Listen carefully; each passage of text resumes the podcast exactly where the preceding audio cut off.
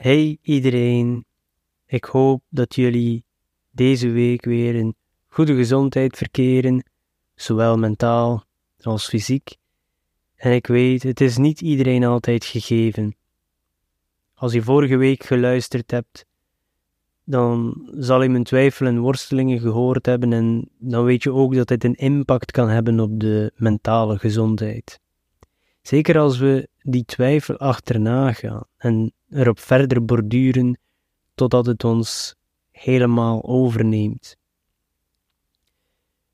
En ja, ik heb ook van die momenten dat ik het even niet meer zie en ik mijn zelfvertrouwen verlies. En je hebt van die dagen dat alles lukt. En dan heb je van die dagen dat niet lijkt te lukken. Dan moet ik eigenlijk mijn eigen raad opvolgen en vertrouwen op het proces en op mijn systeem, routines en gewoontes. Ze hebben me al gebracht hè, tot waar ik vandaag ben en ik evalueer ze constant en pas aan waar nodig. En dan moet ik eigenlijk ook vertrouwen dat ze me nog verder zullen brengen naar mijn doelen, mijn nieuwe doelen. Maar soms lijkt twijfel die weg te blokkeren en dan zie je het even niet meer. En vandaag wilde ik het eens hebben over die gewoontes en routines. Hebben we daar al over gepraat? Dat is belangrijk. Maar hier gaat het vooral dan over mijn ochtendroutine. Ik geloof wel sterk dat de dag goed starten invloed heeft op de rest van de dag. En voor mij zeker. Als het slecht start, dan kan dat wel eens meegenomen worden doorheen de hele dag. Ik heb wel een aantal technieken die mij hiermee helpen om een soort van reset te doen en opnieuw te beginnen. Hè. Dat werkt niet altijd. Je kan zeggen, oké okay, we gaan eens diep ademhalen en beginnen gewoon opnieuw. Maar als je een heel slechte dag hebt, is het soms moeilijk om eruit te raken. We, we kennen dat wel. Ik heb de laatste jaren een redelijk goede routine opgebouwd, ochtendroutine, die werkt voor mij. Af en toe maak ik wel aanpassingen en, het is geëvolueerd, maar daar zal ik ook wel over praten. Iedereen heeft een ochtendroutine, als het nu eentje die bewust is of niet, iedereen heeft één. Al is het maar gewoon uit bed rollen en de dag beginnen. Ik pak de mijne liever iets gestructureerder. Is, is dat een woord gestructureerder? Ik vind graag woorden uit. Iets meer gestructureerd, zal het wel zijn, zeker. Is die kerel schrijver? Hallo zeg. Dus niet alleen gestructureerd, maar ook opzettelijk. Het is een essentieel onderdeel van mijn dag en misschien wel het belangrijkste. En nee, dan heb ik het niet over ontbijt, de zogenaamde belangrijkste maaltijd van de dag, wat eigenlijk een, reclameslogan was van Kellogg's. En honderd jaar later is het gospel. Hè. Het lijkt wel de Bijbel. Dat was eigenlijk gewoon een, een reclameslogan. Want de dag beginnen met cornflakes is voor mij al een no-no. Zeker als deze vol zitten met suiker, dan is mijn dag al kapot voor het begint. Dus deze is niet voor mij. Als dat werkt voor jou, wie ben ik om te oordelen? Dat is allemaal persoonlijk, maar toch wilde ik mijn ochtendroutine of rituelen eens delen, omdat je er volgens mij toch iets aan kan hebben. En er zitten ook veel dingen in die ondersteund worden door wetenschap. En zelfs dingen dat ik nog niet van wist, dat ze ondersteund werden door wetenschap die ik al deed. Gewoon uit mijn eigen. Dus hey, kom op. Is this guy a genius? Ja, oké. Maar de laatste tijd is het ook wel aan het veranderen, omdat ik nog dieper aan het gaan ben in die wetenschap over gezondheid en ook over slaap. En wat je s'morgens doet, kan invloed hebben op jouw slaap van de volgende avond slash nacht. Dus heel belangrijk. So let's get into it. Als jij dit s'morgens beluistert, dan zitten de acties die jij al gedaan hebt deze ochtend misschien nog vers in het hoofd. Luister je s'avonds, wel, dan kan je misschien wat bewuster worden morgenochtend van de gewoontes waar je soms misschien niet meer bij stilstaat. Maar bewustheid is ook al een goede manier om je dag te starten en niet gewoon op autopiloot gaan. Oh, en nog iets, voor ik eraan begin. Ja man, de schrijver in mij komt dat weer boven en blijft maar doorgaan en er is nog geen punt gekomen aan dit verhaal. Maar iemand zei ooit, ik weet nu niet meer wie precies, maak nooit geen punt zonder verhaal te vertellen en vertel nooit geen verhaal zonder punt. Dus het verhaal hebben we al, nu moeten we nog tot het punt of de conclusie komen. Maar ik wilde nog even vermelden, ik ben niet getrouwd met mijn ochtendroutine.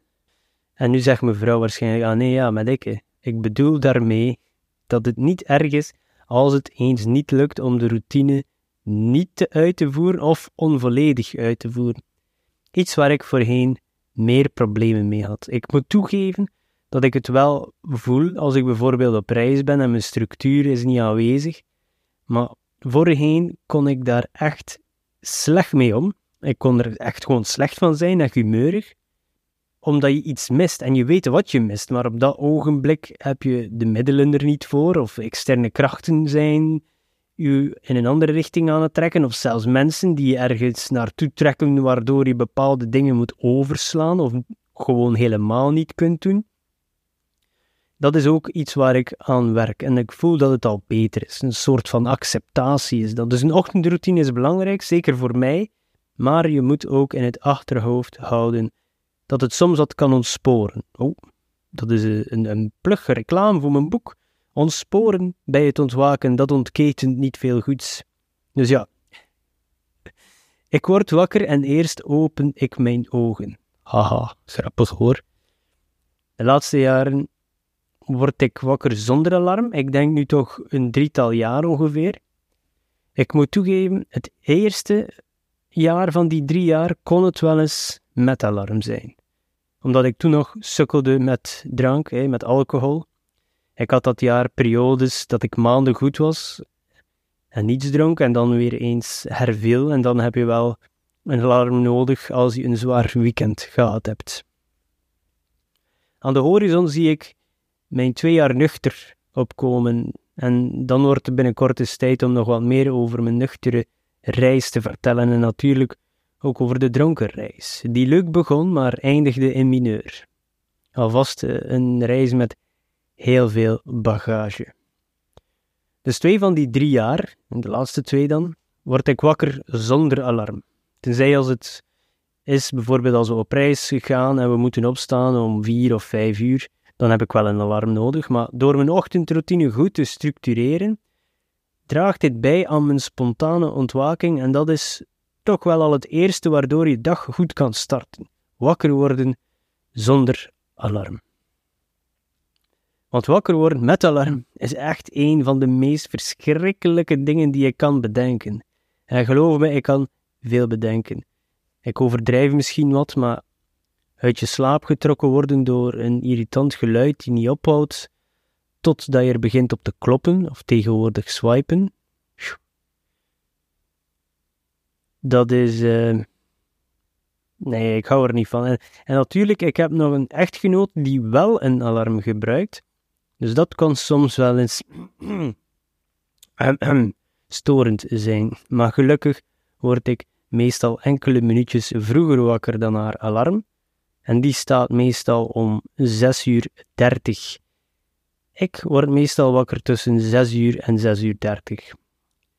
Ook word ik midden in de nacht meestal eens wakker om naar het toilet te gaan, maar dat is voer voor een andere podcast, want ik eh, ben eh, momenteel op zoek naar de perfecte nachtslaap, de perfecte nachtrust, want ik heb een moeilijke geschiedenis met slaap. Ook deels door vroeger ongezonde voeding en natuurlijk alcohol en mijn ploegenwerk, shiftwerk, heel vroeger. Um, dus een moeilijke relatie met slaap al bijna heel mijn leven. Ik heb al een aantal video's gemaakt over slaap op mijn YouTube-kanaal. En ik denk dat er daarvan enkele al gepubliceerd zijn en een aantal die nog gepland staan. Dus uh, bekijk die zeker als je daar geïnteresseerd in bent. So ja, back to the morning. Enkele minuten voor het alarm van mijn echtgenote afgaat, word ik dus wakker. Die trouwens ook eerder in slaap valt dan ik en later wakker wordt.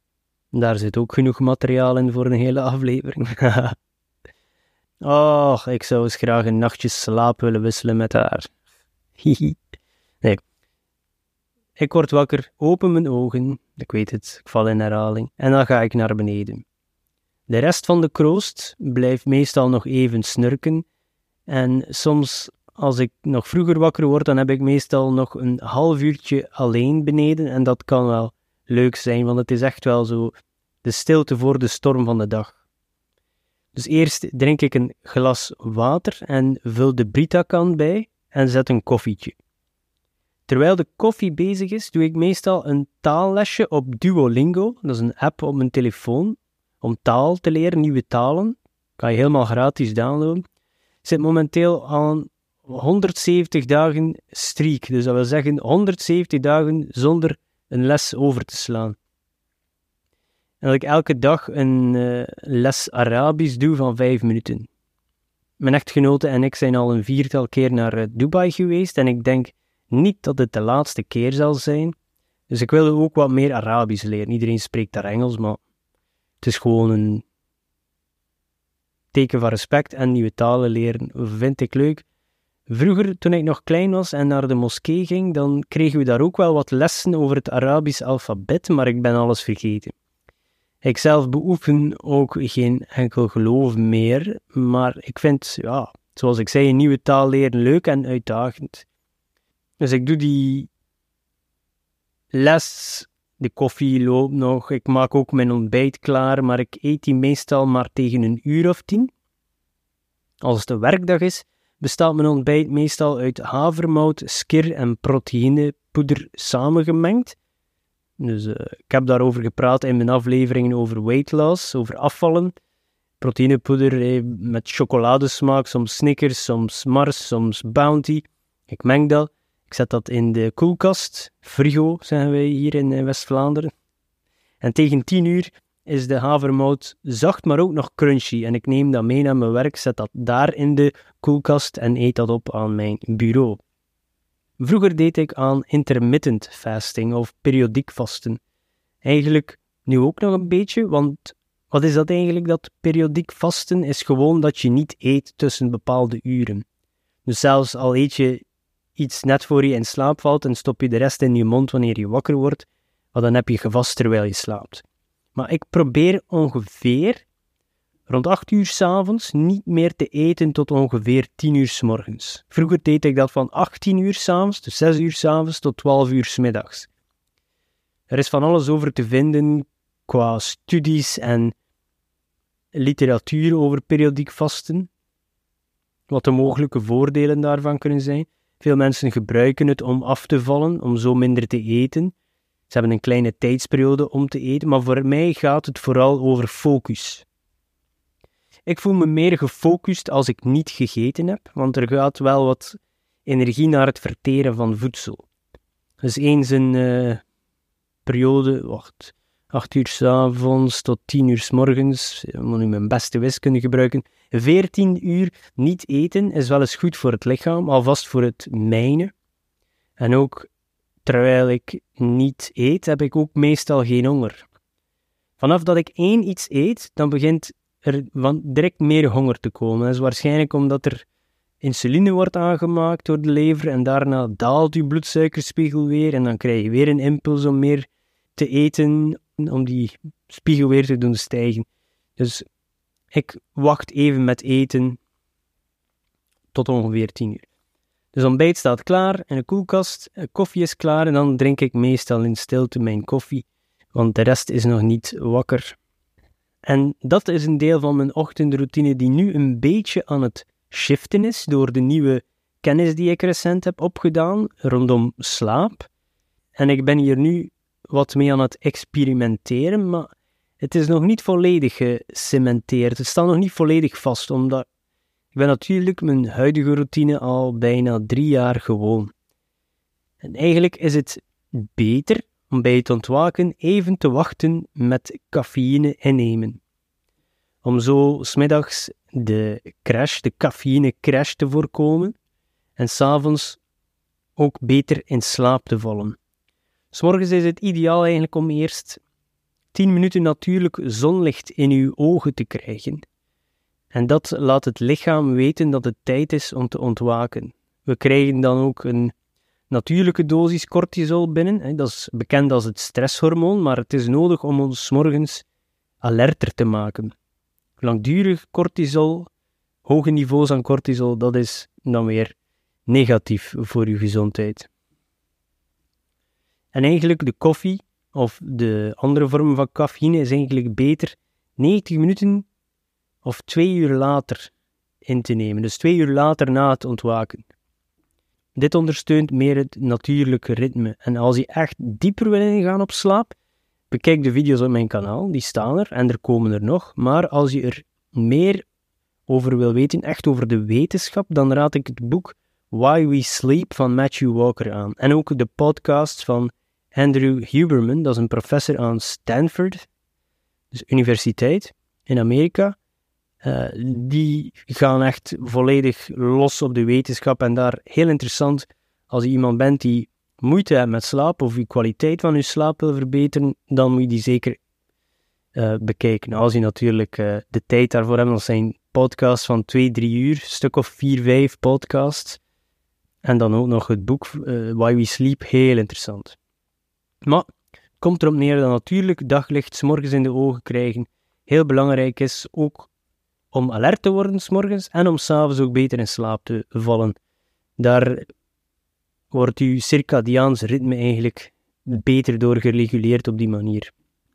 Maar zoals gezegd, ik heb meestal nog altijd die impuls om op het gemak s morgens mijn koffietje te drinken, zeker op een werkdag.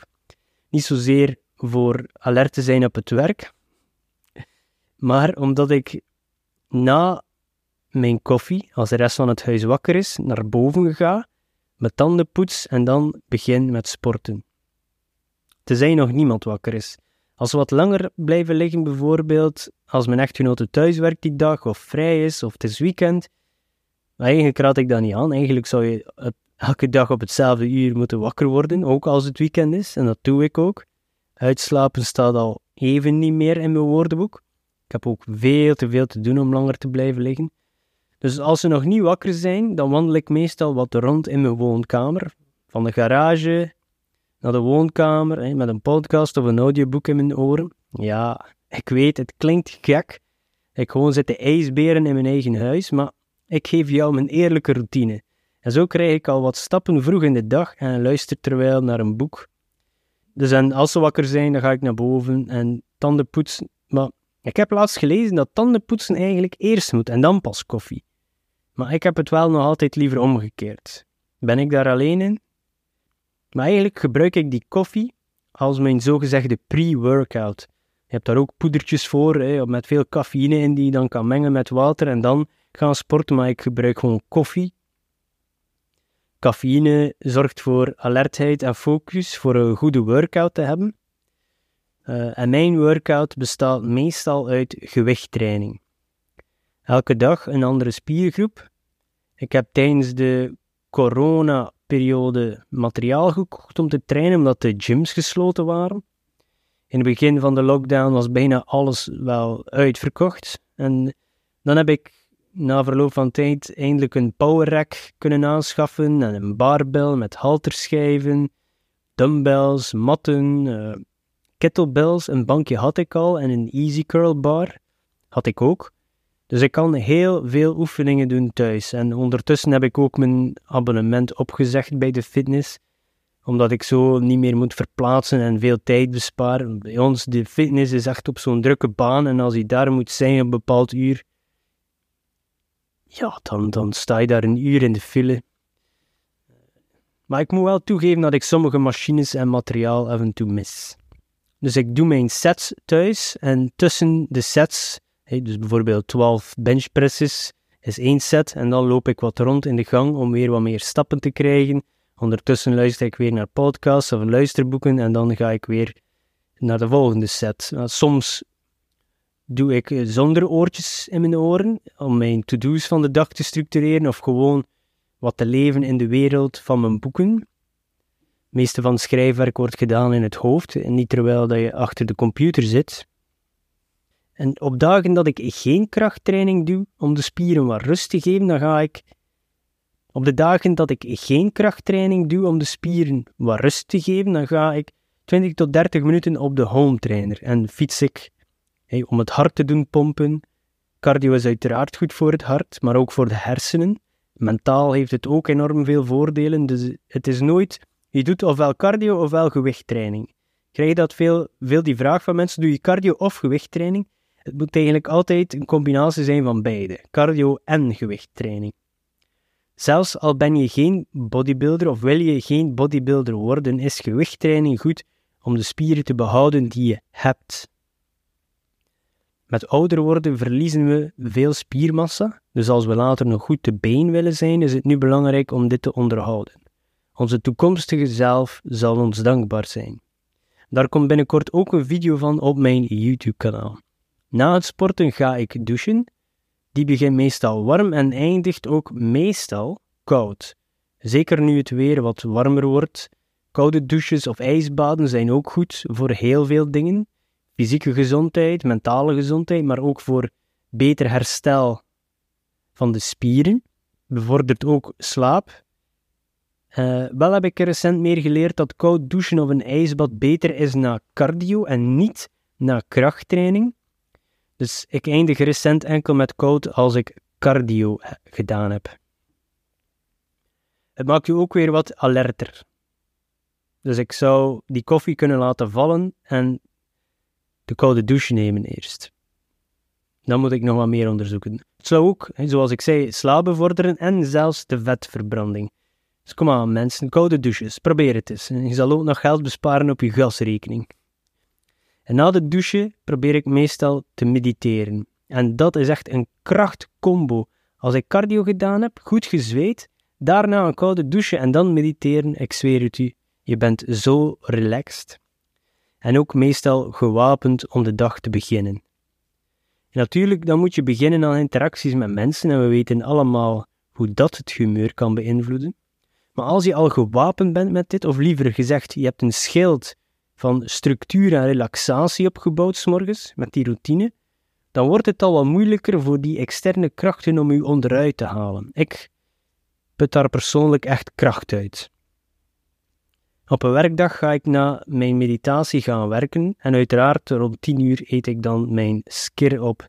Op een niet-werkdag is het meestal een versie van verloren brood die ik maak, maar dan niet klaargemaakt met boter en volledige eieren, maar enkel het eiwit met een beetje kaneelpoeder erbij en dan bakken met een bakspray die laag in calorieën is. En ja, er komt dan ook wel wat artificiële zoetstof bij kijken die geen calorieën bevat.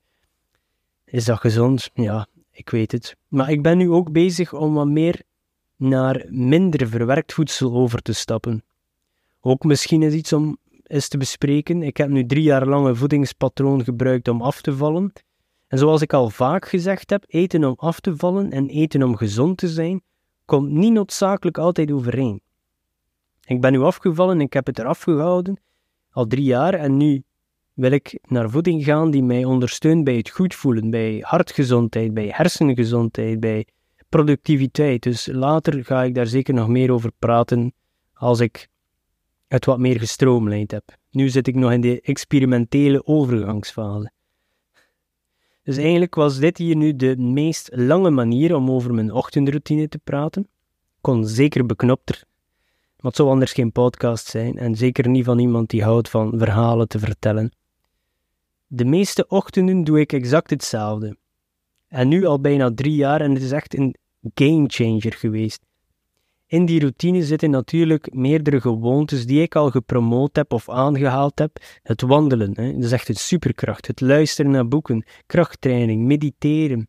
En voeg daar nog een koude douche bij. En voor mij is dat echt een killer morning routine.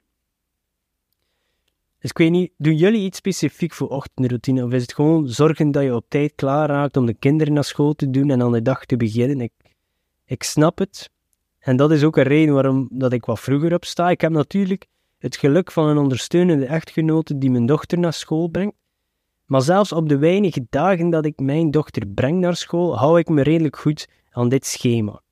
En ik zal nog een half uur vroeger opstaan als dat nodig is om dit te behouden. Het is zoals ik zei een essentieel deel van mijn dag en misschien wel het belangrijkste die mij als een soort kruk ondersteunt doorheen de dag. Dus ik hoop dat je er iets aan gehad hebt, al dan niet met een entertainend verhaal. Wees niet te streng voor jezelf. Ik spreek jullie volgende week. Ciao.